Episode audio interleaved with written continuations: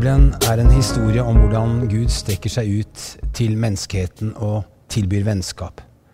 Nåde ble vist oss, og rettferdighet ble gitt oss. Nåde og rettferdighet er ordene som Bibelen bruker. Nåde ble vist oss, rettferdighet ble gitt oss for at vi skulle leve et liv her på jorda i fellesskap og samfunn med det guddommelige. Jeg har mange ganger her i 316 prøvd å forklare dette.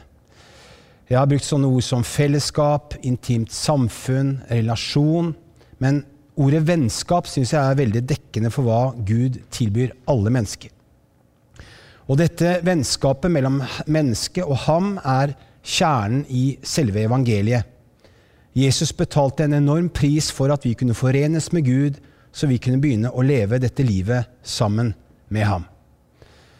Det finnes mange historier og hendelser i Bibelen som forklarer noe av dette fellesskapet, dette vennskapet mellom mennesker og Herren.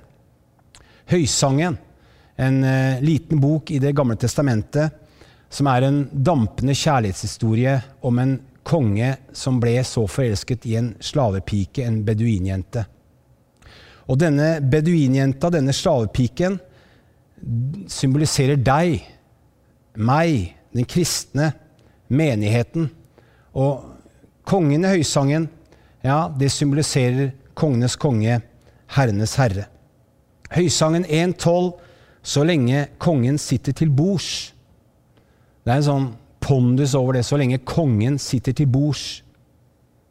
Eh, og bordet, ja, det er bildet på samfunn, på fellesskap, på vennskap.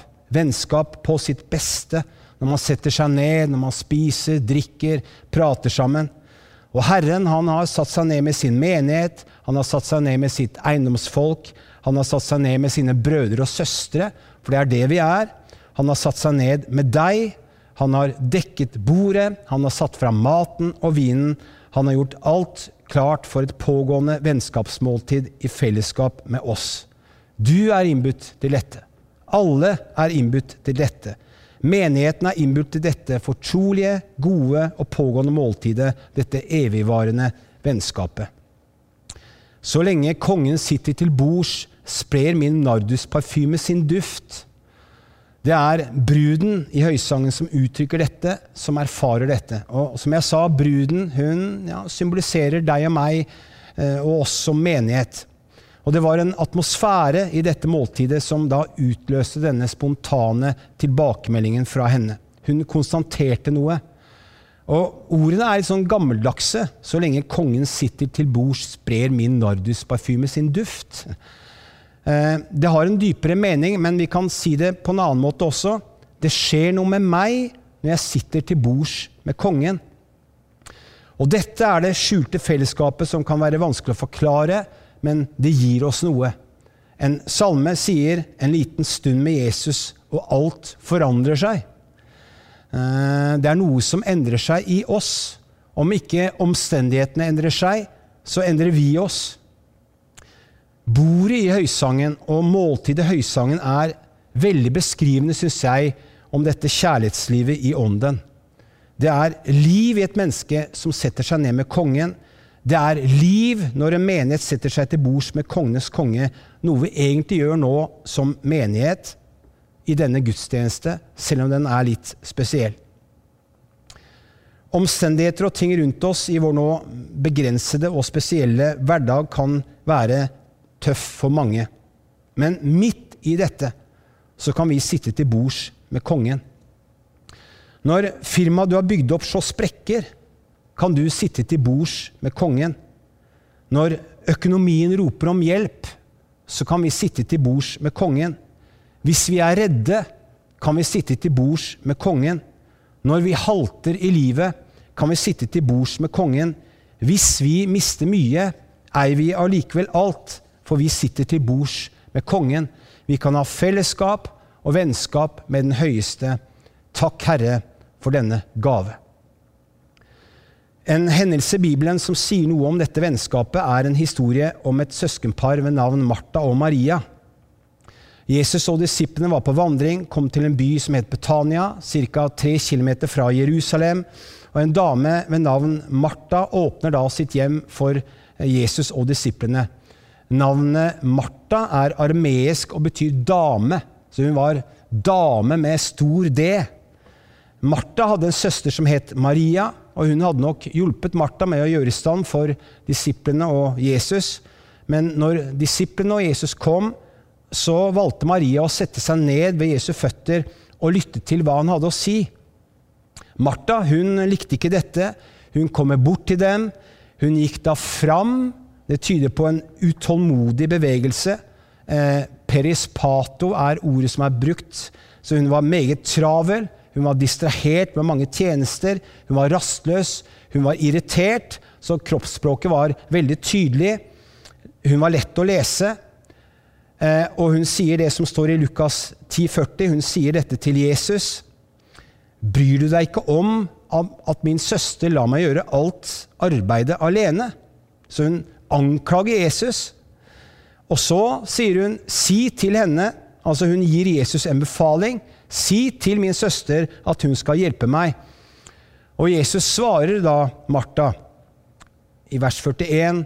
Martha, Martha, du gjør deg strev og uro med mange ting. Ja, Det er sånn jeg leser det. Martha, Martha. Ikke Martha, Martha, men Martha, Martha. At Jesus gjentar navnet, tyder på en ømhet i det han sier. Og vi også kan se at Jesus satte pris på det Martha gjorde. Men han forklarer noe mer og sier i vers 42.: Men ett er nødvendig. Marie har valgt en god del, og den skal ikke tas fra henne. Jeg satt eh, en kveld sammen med svigerdatter og sønnen og pratet litt rundt akkurat dette bibelverset. Og de bladde opp sine eh, bibler, King James, en oversettelse av Bibelen, som mm, hadde en litt annen ordlyd av disse versene. Eh, så jeg gikk hjem og sjekket med andre oversettelser.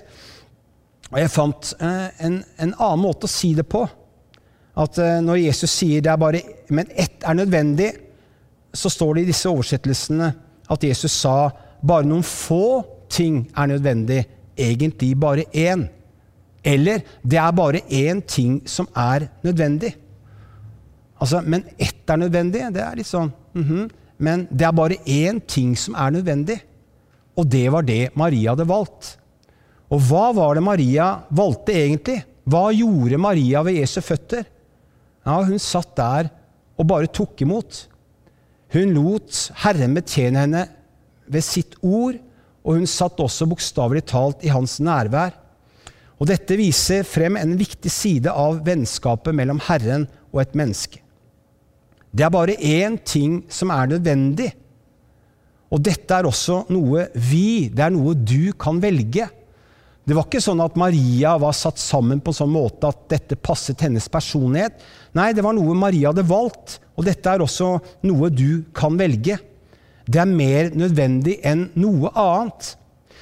Og til og med teologer som studerer grunntekster, som har innsikt. Flere teologer er ikke enig egentlig i hva Jesus sier, men er nødt til å konkludere med at det Jesus formidlet, det er bare én ting som er nødvendig. Det er å sette seg ned ved mine føtter og ta imot det jeg har å gi. Dette fellesskapet, dette vennskapet med Herren, er det fjernt Eh, virker det langt borte for deg? Det har også blitt en sånn type trend hvor noen kristne åpent og helt sikkert oppriktig spør hvor er du, Gud? Når jeg ber, hvor er du? Og I noen miljøer så er det også populært å gi rom for tvil og tro, og man har vel også rett til det. Men hvor er du, Gud? Ja, den evige, han har ikke endret seg. Det er mennesket som har endret seg og som er preget i forskjellig grad av denne kultur og tidsånd som er gjeldende i Norge, og også i den vestlige verden. Disse effektive livene, fulle kalendere, tidsklemme jo mer, vi har, jo mer, vi har å gjøre, jo viktigere er vi. Det har fått seg en liten smell i disse dager, da, men Men hør på denne eldgamle kunst, som er hyperaktuell også i dag. Vær stille, min sjel. Jeg vil falle til ro for hans ansikt. Gud er ikke langt borte. Nei, det er mer sånn at mennesket er langt borte, for det er opptatt av andre ting. så Gud kan virke fjern? Hva gir vi vår oppmerksomhet? La deres sinn være vendt mot det som er der oppe. Vær himmelstemt i deres tanker. Jeg vet at den nye tilværelsen nå, den, den har en del utfordringer i, seg også, for, eh, for, dem som er, eh, må ha hjemmekontor, og barna er hjemme fra skole og barnehage. Men jeg tror også at noen av oss har enda større mulighet, kanskje mer tid, til å sette oss ned ved Jesu føtter, lytte og høre. Det å la Han betjene oss med sitt ord, høre Hans røst, sitte i Hans nærvær og bare være. Det å gjøre det eneste nødvendige, ta plass ved Jesu føtter og ta imot. Så kan det godt hende at, at du hører på dette og sier jeg Kåpe, det der har jeg aldri fått noe smell på, eller det har jeg aldri gjort, eller det skjønner jeg ikke noen ting av. Ja, da vil jeg si så dumt, så leit. For dette er egentlig supernaturlig. Men tiden vi lever i, sier det er fremmed, det er rart, dette er for de spesielle og rare. Nei, dette ble vi skapt til å omgås Gud. En hardtarbeidende bonde som gikk rundt på sin åker her i Norge for 300 år siden. Han løftet sine hender til den allmektige i gudsfrykt, i respekt. Han løftet sine hender i tillit til Gud. Han takket for velsignelsen over kornet, at han skulle høste, at han skulle høste rikelig. Det var så stille den gangen. Det var så stille at det var som om bonden hørte Gud si, 'Jeg passer på deg'. Jeg skal fylle ditt forrådshus. Vel, disse ordene holdt bonden fast ved. Det var en hemmelighet som han bar med seg hele livet sitt. Så når de andre bøndene i området var bekymret for avlingen, så hvilte bonden ved ordene han hadde hørt. Og dette var ikke eneste gangen bonden hørte Guds røst. For det var så stille den gangen, og mennesket tok seg tid til å lytte oppover og innover. Han kaller på deg. Kom til meg. La dagliglivets larm stilne. La alt som roper til deg, la alt som krever din oppmerksomhet, ti stille for en stund. Så kan du høre. Lytte til hva jeg har å si. Åpne deg opp for mitt nærvær, for det er her. Jeg husker når jeg var en uh, liten gutt og måtte være med mamma og pappa på møte. Kveldsmøte. Klokken syv begynte det. Det var ikke noe barnemøte den gangen. Så jeg hadde med meg tegnesaker og noen eh, biler. Og jeg satt og lekte i benkeradene. Hørte ikke på hva som er sagt, forsto ingenting av det, ga det ikke det min oppmerksomhet. Men noen ganger så sang dem. Noen sanger som, mm, som ga meg noe. Og det var én sang som ga meg den følelsen av å være trygg. Eh, og den refrenget gikk sånn Kast deg i Frelserens armer. Legg deg til ro ved hans bryst. Hør hvor det stormer der ute. Her er det fredfullt og tyst. Tyst. Her er det fredfullt og tyst. Jeg trodde de sang trygt, for det var det den sangen ga meg, en trygghet. Også en sånn litt sånn crazy referanse, men eh, Astrid Lindgren hun har mm, skrevet om mange figurer. Emil var en, en, egentlig en god gutt. Emil fra Lønneberget. En god gutt. Eh, velmenende, men mange av de tingene han gjorde, ble til sånne hyss. Og faren kom og jagde den ut i snekkerboden. Men eh, det var en sånn gårdskar der som het Alfred. Og Alfred sa stadig vekk til Emil, 'Du og ja, Emil'. Og så svarte Emil, 'Du og ja, Alfred'. Eh. Og Herren sier til deg, 'Du og jeg'. Og så sier han navnet ditt. Og han sier til meg, 'Du og jeg, Kåpe'. Og du kan si som et gjensvar tilbake Du og jeg, Herre. Ja, du og jeg. En annen tanke, Gasoline, er en, en rockegruppe fra 70-tallet med Kim Larsen som eh, vokalist. De hadde en stor hit eh, som het Hva gjør vi nå, lille du? Hva gjør vi nå, lille du? Så ut ifra disse henvisningene så kan du si Du og jeg, Herre, vi to, hva gjør vi nå? For jeg tror at det er noen som er der i den nye, rare hverdagen. Du er rådvill, men du kan stille dette spørsmålet til Herren i tillit til ham. Du og jeg, Herre, hva gjør vi nå? For en bønn! Det høres ikke ut som en engang. Eh, dette er noe man kan si til Herren ut ifra et vennskapsforhold. Før jeg legger meg på kvelden, eller før jeg sovner, så legger jeg meg rett ut i senga. Rett ut så, med armene ut. Og jeg sier, 'Her er jeg'. Jeg legger meg bare her i dine sterke, trygge armer. Jeg bare overgir meg til deg. Og jeg vil oppmuntre deg til å gjøre dette. Legg deg ned i hans trygge og omsorgsfulle armer, for han vil ha ditt vennskap, og dette er en side av det.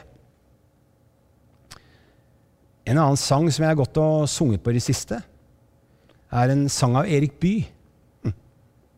Og jeg skal avslutte denne fantastiske talen med det. Mangt skal vi møte, mangt skal vi mestre. Dagen i dag, den skal bli vår beste dag. Mangt skal vi møte, mangt skal vi mestre. Dagen i morgen skal bli vår beste dag. Dagen i morgen skal bli vår beste dag. Far, takk for at du ser til alle situasjoner. At du ser til mennesker som er i vanskelige ting akkurat nå. Takk for at du gir dine løfter, at du er trygg, at du er god, at du har omsorg. Takk for at du ser. Takk for at du møter alle behov. For alle som roper til deg, som strekker seg ut til deg.